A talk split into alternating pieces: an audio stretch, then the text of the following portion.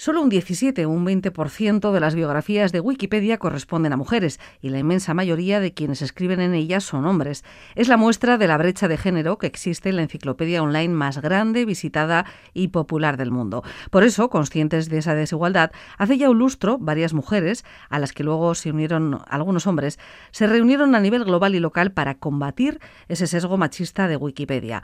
Wiki Emakumeok trabaja desde Euskadi para equilibrar la balanza y en este programa vamos ir poco a poco recordando a todas esas mujeres alavesas que fueron protagonistas y que han sido invisibilizadas. ¿Quién nos va a ayudar en esa tarea? La doctora en Ciencias Políticas y de la Administración de la Universidad del País Vasco, máster en Igualdad de Mujeres y Hombres, agentes de igualdad de la UPV, que además trabaja en diversos proyectos, entre ellos este de las wikis, como ella dice, que lidera en Gasteiz. Menchu Ramilo Araujo, ¿qué tal? ¿Cómo estás? Bienvenida. Qué presentación más bonita. Bueno, pues nos alegramos que te guste, Menchu. ¿Hacía falta algo así con urgencia? ¿Ponerse manos a la obra? Bueno, la tecnología es lo que tiene. Según las personas que la desarrollen o la utilicen, pues así tendremos unos sesgos. Y Wikipedia, pues tiene esos sesgos de género, así como sesgos de, bueno, que son personas occidentales, blanquitas, de clase media alta, las que dedican tiempo a editar en esa enciclopedia. Así que sí, era importante ponernos manos a la obra y bueno, una de las maravillas de este proyecto es poder conocer y descubrir a mujeres que sus trayectorias de vida, pues bueno, nos pueden servir de, referencia. ¿Cómo te conviertes en Wikilari? ¿Cómo te sumas al proyecto? ¿Cómo lo conoces? ¿Cómo te acercas? Pues yo había utilizado las wikis eh, desde el año 2004, cuando estaba haciendo la tesis. Eh, bueno, pues una persona que para mí es referente en Internet en Euskadi, eh, Josu Aramberri, me habló de, esta herramienta eh, que de manera sencilla te permite generar contenidos y compartirlos en Internet. Y bueno, pues desde una asociación de internautas eh, utilicé estas herramientas para algún proyecto, eh, en Gasteiz también, para mejorar páginas web de instituciones. Y yo las wikis las había utilizado, pero escribir en Wikipedia para mí era como algo, pues, eh, bueno, eh, palabras mayores. Mm.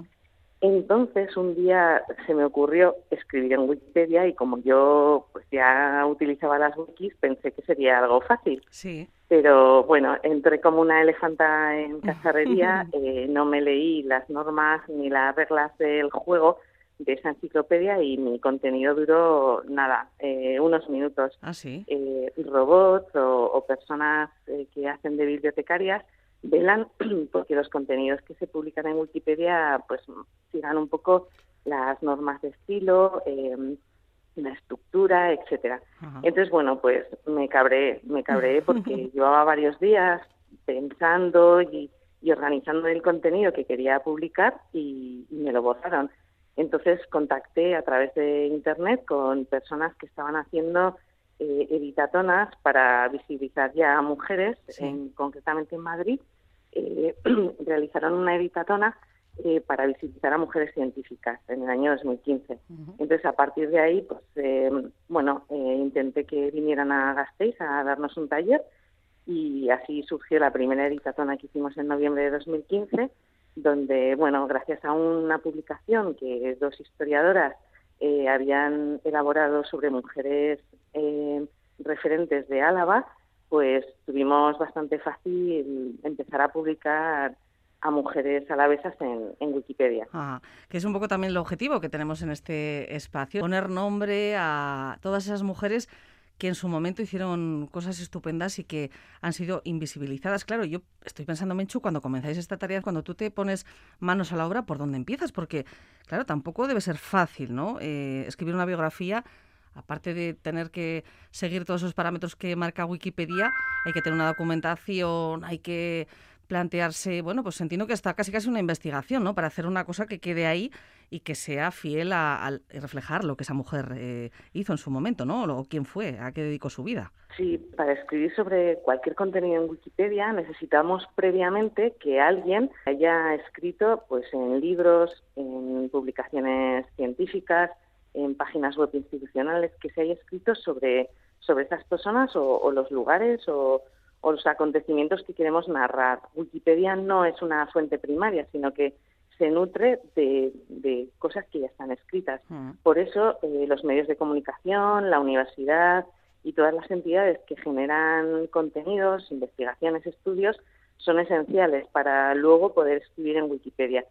Y recuerdo perfectamente el primer artículo que escribí en Wikipedia y que no me borraron porque fue eh, bueno, una prenda de vestir que se llama jaldriquera y bueno, pues eh, estaba enmarcada en, una editatona o, ah, encuentro de edición eh, en el que en pocas horas se pretende generar mucho contenido nuevo o mejorar contenido en Wikipedia y esa editatona era en el Museo del Traje de Madrid y entre el listado de prendas que había pues estaba la jaldriquera, que es una prenda que siempre he escuchado a mi abuela eh, decir que mi bisabuela la utilizaba en el traje regional de bueno de Valencia de Alcántara, que es el puro de mi familia, pues la gente lleva esa, esa prenda. Entonces, para mí Wikipedia también es una excusa para recopilar saberes y conocimientos ancestrales que muchas veces estamos perdiendo.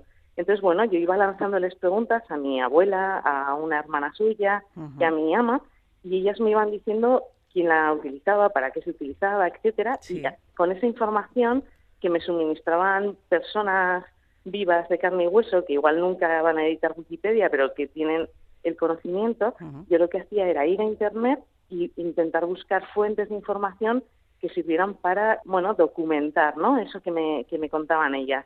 Por eso creo que Wikipedia también es una excusa fantástica para poner en contacto los saberes de, las personas pues, que tienen experiencia de vida con la gente quizá más joven que tiene habilidades digitales o tecnológicas, pero nos falta mucho conocimiento por, por, adquirir. Es precioso lo que cuentas porque bueno pues eh, empezaste a recuperar un poco no lo que en ese pueblo del que es oriundo parte de tu familia en la provincia de Cáceres bueno pues había ciertas costumbres y eso ahora ya gracias a esa transmisión oral luego trasladada a la red de redes, bueno, pues no se pierde, ¿no? yo creo que es una cosa francamente bonita y que nos puede hacer reflexionar de la cantidad de cosas que podemos hacer escuchando a nuestros mayores, ¿no? Y luego trasladándolo, como bien dices, las generaciones que somos capaces, ¿no? De, adentrarnos, algunos con más pericia que otros, también es cierto.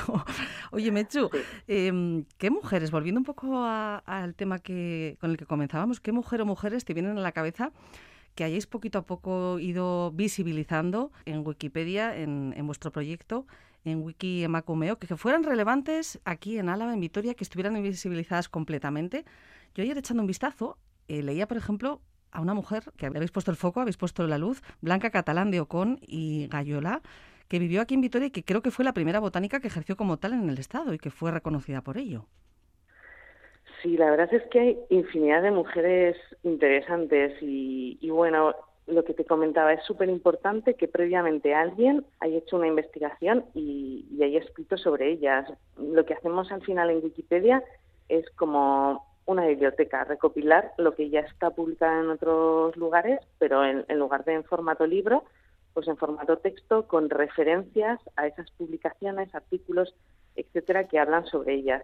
Entonces, bueno, pues eso, tenemos primeras botánicas, primeras eh, mujeres eh, que han hecho millones de cosas, pero también tenemos mujeres que, que bueno, que no han sido primeras en algo, que a, Wikipedia lo que le gusta es eso, ¿no? Recopilar a las pioneras, a las primeras personas que hicieron lo que sea, pero yo reivindico que, que Wikipedia también tiene que ser un espacio para dar visibilidad a mujeres agricultoras, ganaderas, mujeres que, que, están ahí en los consejos, en los pueblos y también, claro, mujeres em, investigadoras, científicas, escritoras bueno, mujeres. Pero vamos, que no nos olvidemos de. Todas tienen su valor. Los ámbitos. Cada una en, en, su campo, ¿no? Evidentemente tú tienes además mucho conocimiento, trabajas mucho en el medio rural con mujeres.